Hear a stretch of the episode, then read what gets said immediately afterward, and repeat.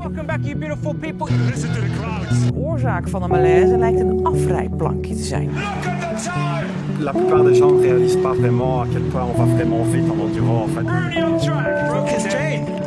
There's no more chain on his bike. Jolanda Neff up to the line, but it's Pauline from Van Provo who takes her first World Cup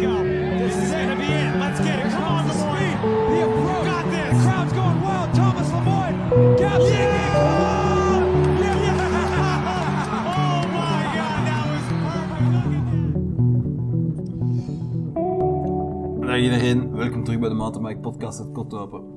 Ondanks het koude weer was het de laatste dagen prachtig fietsen. Zon, schitterend decor en geen modder. Wat willen mensen nog meer?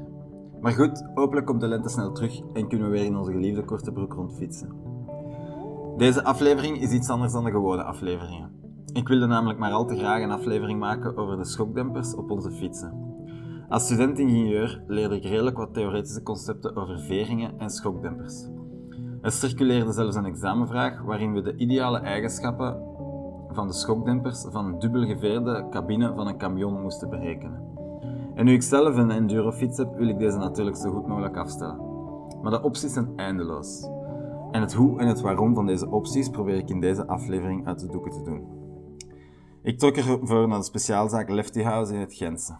Simon Kouwenberg, samen met zijn venoot Gert de Geter, vertelde me er alles over. Aangezien het gesprek nogal technisch was, heb ik wat knip- en plakwerk moeten gebruiken. Hopelijk bevalt het jullie. Het gesprek wordt dus opgenomen met Simon in de zaak Lefty House. De naam Lefty House doet jullie misschien een belletje rinkelen. Ja, dus Lefty House is gegroeid, zoals de naam doet vermoeden, uit service voor lefties, geconnecteerd aan Cannondale, bekend van de lefties. En toen wij de zaak hebben overgenomen, hebben we beslist dat we dat wel dat het nuttig was om die uit te breiden naar een, een serviceaanbod daarvoor een hedendaagse full suspension Cannondale alle onderdelen van de vering kon servicen. Dus zowel de vork als de achterdemper. Aan het woord hoorde je dus Simon. Simon en Geert zijn echter ook zelf fervente fietsers en hebben niet enkel Lefty House opgericht, maar ook de speciaalzaak Chameleon Bikes, een fietsenwinkel waar het hele outdoor-gebeuren centraal staat. We zijn allebei nogal fan van het enduro gebeuren en het all mountain gebeuren. Ehm, dus dat straalt natuurlijk wel wat af in onze- hoe dat de showroom eruit ziet. Wat niet wegneemt dat we allebei een hart hebben voor Belgische marathons en buitenlandmarathons. Want dat is hetgeen waar dat Gert en ik allebei zijn met eh, groot geworden in, eh, in het, of, of waar de onze hobby is begonnen. En voor de mensen die het woord lefty nog nooit gehoord hebben, het is een heel eigenaardige vork van Cannondale, waarbij het wiel gedragen wordt door maar één arm in plaats van twee armen, zoals op de meeste fietsen. Persoonlijk heb ik er nog nooit op gefietst en het ziet er ook een beetje raar uit. En ehm, ik zie daar, daar, we zitten in de zaak, ik zie daar dus inderdaad een, een lefty staan. Is dat nu echt zo'n goede veer? Allee, zo'n goede vork? Wij zijn overtuigd van wel, Ah ja. omdat door de manier waarop de lefty mechanisch in elkaar steekt, dat je eigenlijk een vering kan creëren die minder wrijving heeft dan een, eh, een standaard telescopische vering met twee poten. Ehm, en dat brengt wel voordelen met zich mee. Dus het zijn altijd trade-offs, maar er zijn zeker voordelen. Ehm, dus het is niet alleen maar de unieke look, maar er is ook wel effectief een mechanisch Ja. voordeel. Nu Lefty House en Chameleon Bikes geïntroduceerd zijn, kunnen we eraan beginnen. Eerst en vooral, hoe werkt een mountainbike vering? Een, een vering voor een mountainbike, net zoals voor eh, een crossmoto of, of een rallyauto of eender welk ander voertuig, ehm, bestaat al heel lang uit twee stukken. Je hebt enerzijds de, de veer, Ja. dat kan een staalveer zijn of een luchtveer of, of een bladveer of, of een ja, whatever, de veer. Eh, en anderzijds heb je de demping. Ja. En die twee dingen die doen, die werken elkaar tegen. eigenlijk. Ja. Daar komt het altijd op neer. Dus de veer dient om het gewicht van de, van de rijder of van het voertuig, de combinatie daarvan, ehm, overeind te houden. En de demper dient om de bewegingen van de veer te vertragen. Zij het in de induwende als in de uitgaande slag. Nou, dus je, je veer is eigenlijk een soort van ehm, energieopslag. Elke keer dat je op een veer duwt, duw je die in. En als je ze loslaat, dan komt die weer uit. Dus de, de energie dat je erin steekt om ze in te duwen, die komt er dan ook weer uit. Uh, ongeacht welk soort veer het is. En de demper, die zorgt er eigenlijk voor dat de energie die wordt in de veer gestoken, dat die wordt verminderd. Tot hier zijn we mee. Een mountainbikevering, zowel de vork als de schokdemper achteraan, bestaat uit twee componenten. Een vering en een schokdemper. De vering bestaat in verschillende uitvoeringen. Zo heb je veringen met een spiraalveer of heb je veringen met een luchtveer. Wat is het verschil tussen de twee? Ze hebben immers compleet andere eigenschappen. De gemakkelijkste veer om te begrijpen is een staalveer, een, een spiraalveer zal ik maar mhm. zeggen. Die is wat we noemen lineair. Dat wil zeggen, een spiraalveer gaat voor dezelfde kracht altijd evenveel inveren. Dus heb je een spiraalveer van een bepaalde kracht en je duwt daarop met 20 kilo, gaat die bijvoorbeeld 1 centimeter inzakken. Duw je daarop met 40 kilo, gaat die 2 centimeter inzakken. En zo verder, lineair. Maar een luchtveer werkt niet lineair.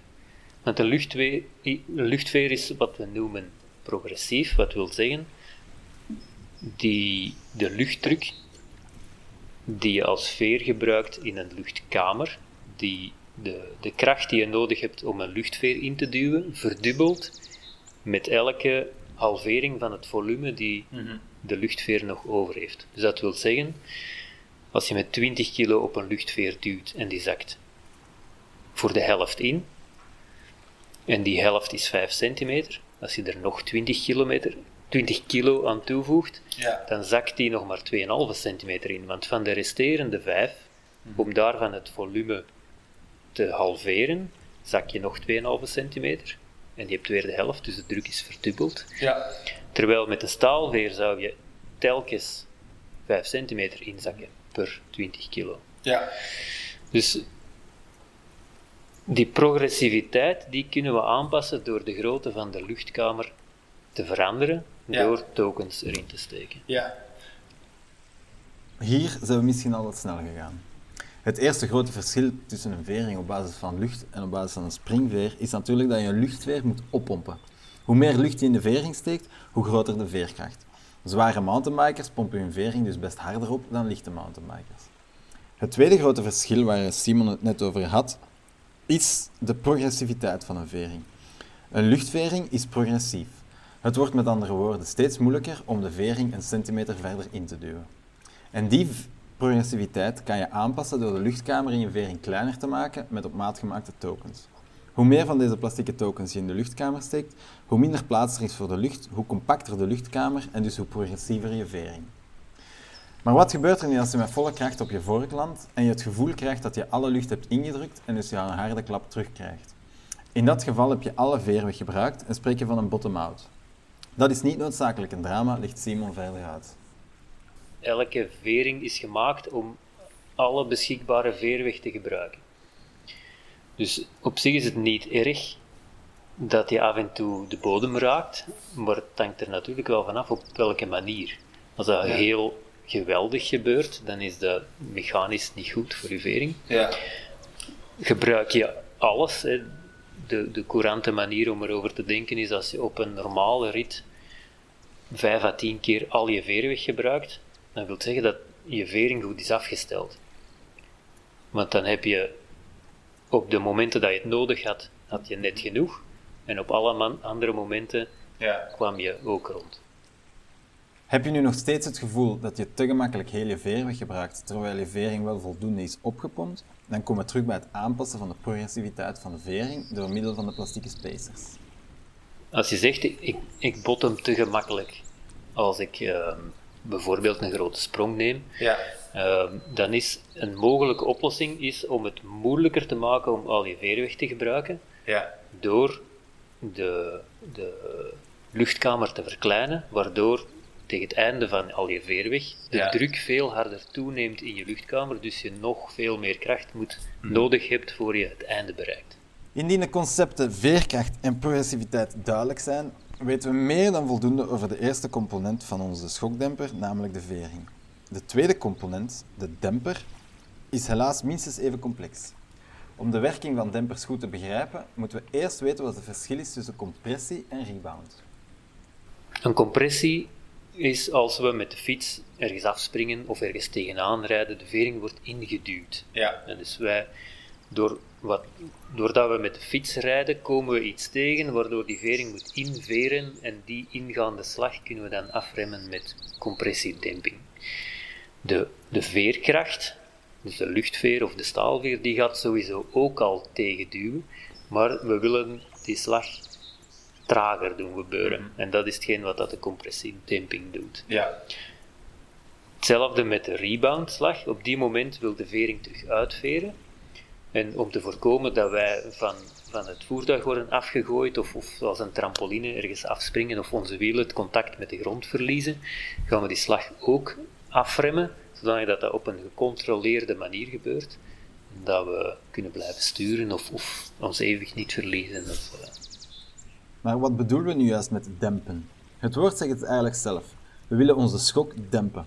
We willen dat de energie die we in onze voorvork steken door erop te duwen of erop te vallen, niet volledig terugkrijgen zoals op een trampoline, maar deze deels om te zetten in een andere vorm van energie.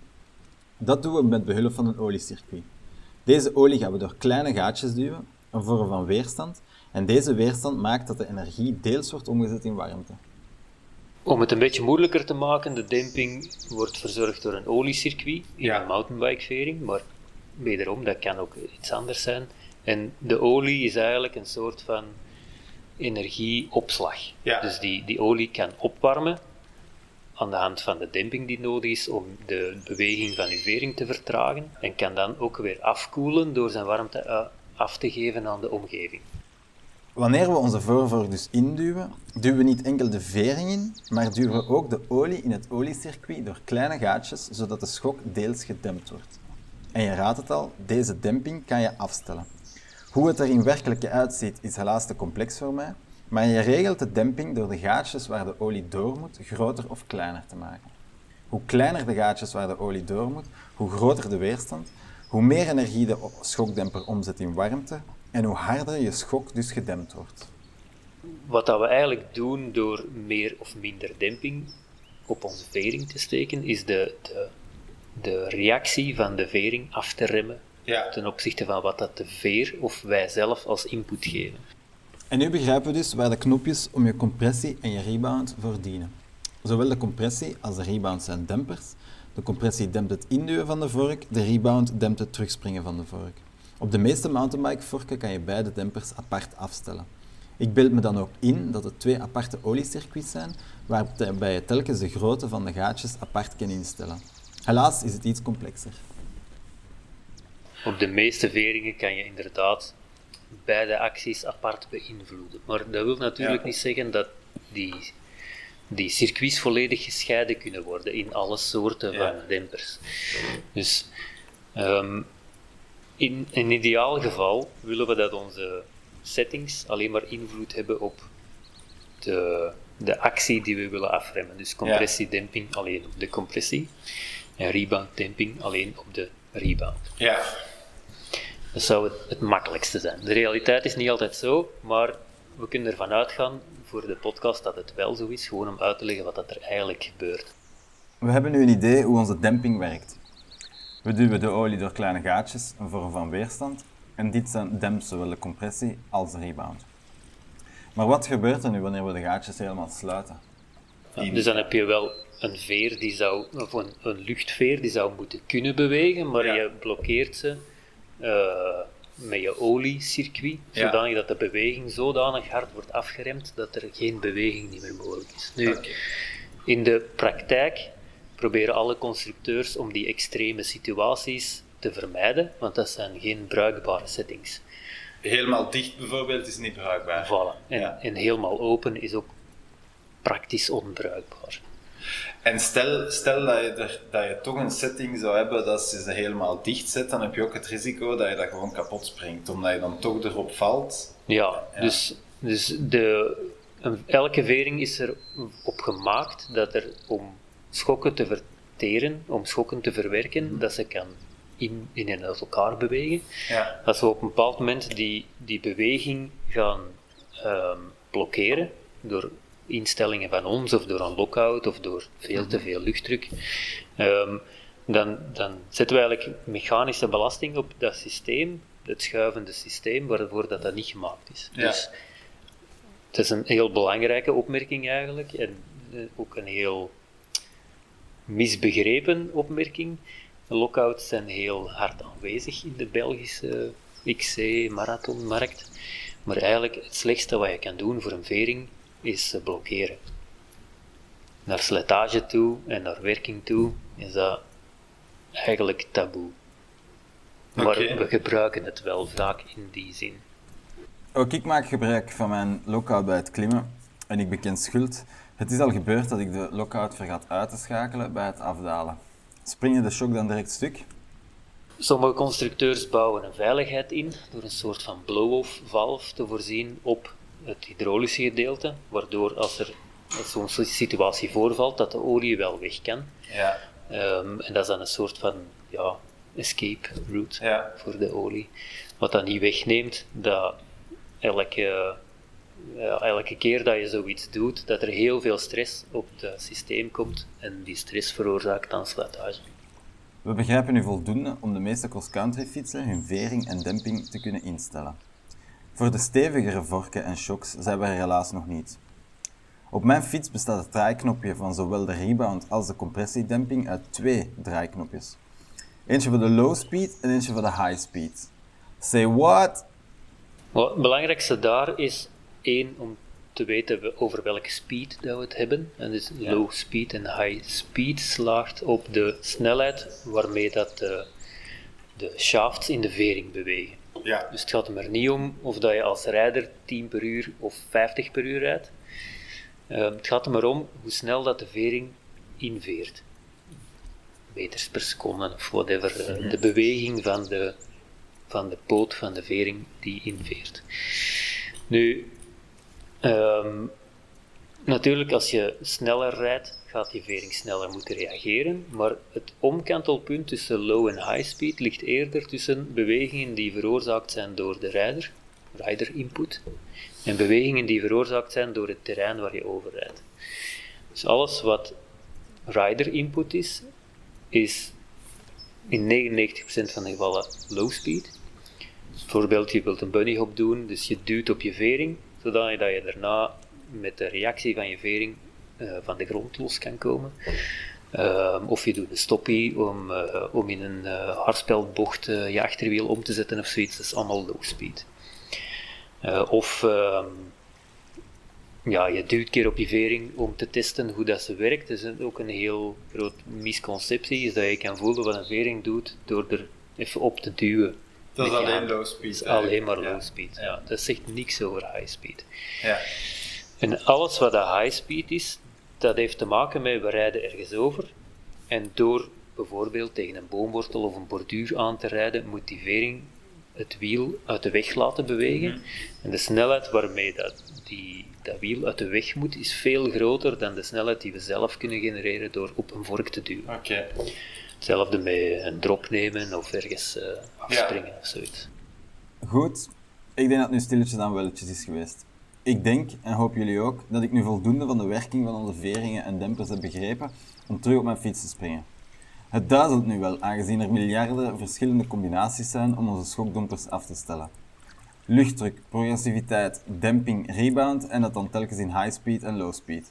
Wat is nu de beste strategie om dat allemaal af te stellen?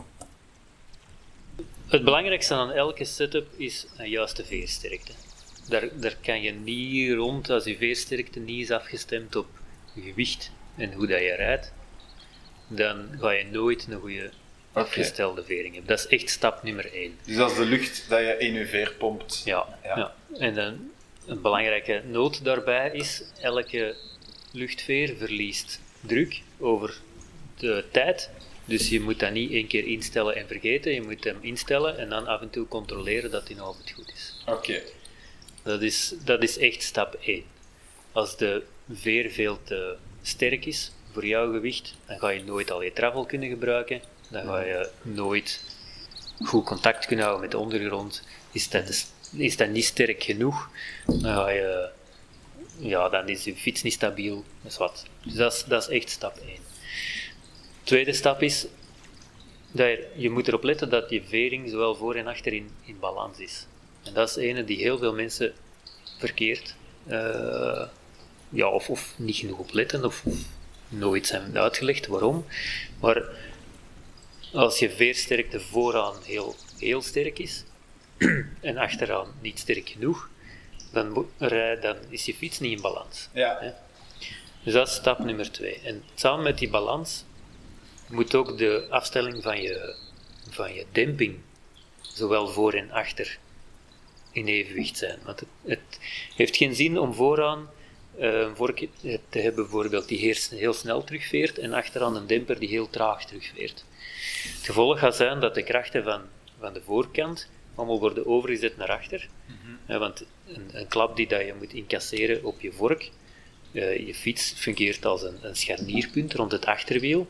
Dus je vork gaat inveren en dan de achtervering gaat ook inveren natuurlijk. Nog voordat je met de achterwiel met dezelfde steen of wortel of wat dan ook komt, is die al ingeveerd omdat de voorkant je, je gewicht naar achter doet verplaatsen en, en daarmee komt er meer gewicht op je achtervering en die duikt ook al in.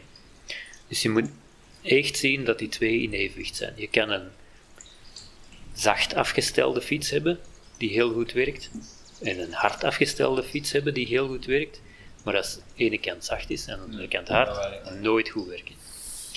Dus dat is, dan zijn we al bij stap 3. Ja. En samen met stap 3, of het eerste stuk van de demping waar ik zou naar kijken, is je rebound afstelling. Want je hebt die, je vering moet eigenlijk kunnen herstellen van een schok dat hij heeft gekregen, zodanig dat die veerweg weer beschikbaar komt om de volgende schok te kunnen incasseren. Dus als je de, vering, de terugvering dusdanig afremt dat die niet op tijd is om de volgende schok te, te verteren, dan heb je minder veerweg beschikbaar. Dus ga je het met, met minder beschikbare veerweg moeten doen om diezelfde of de tweede of de derde en zo verder te verteren. En je komt altijd dieper en dieper in je veerweg terecht en die veerweg wordt, wordt altijd moeilijker en moeilijker om te gebruiken.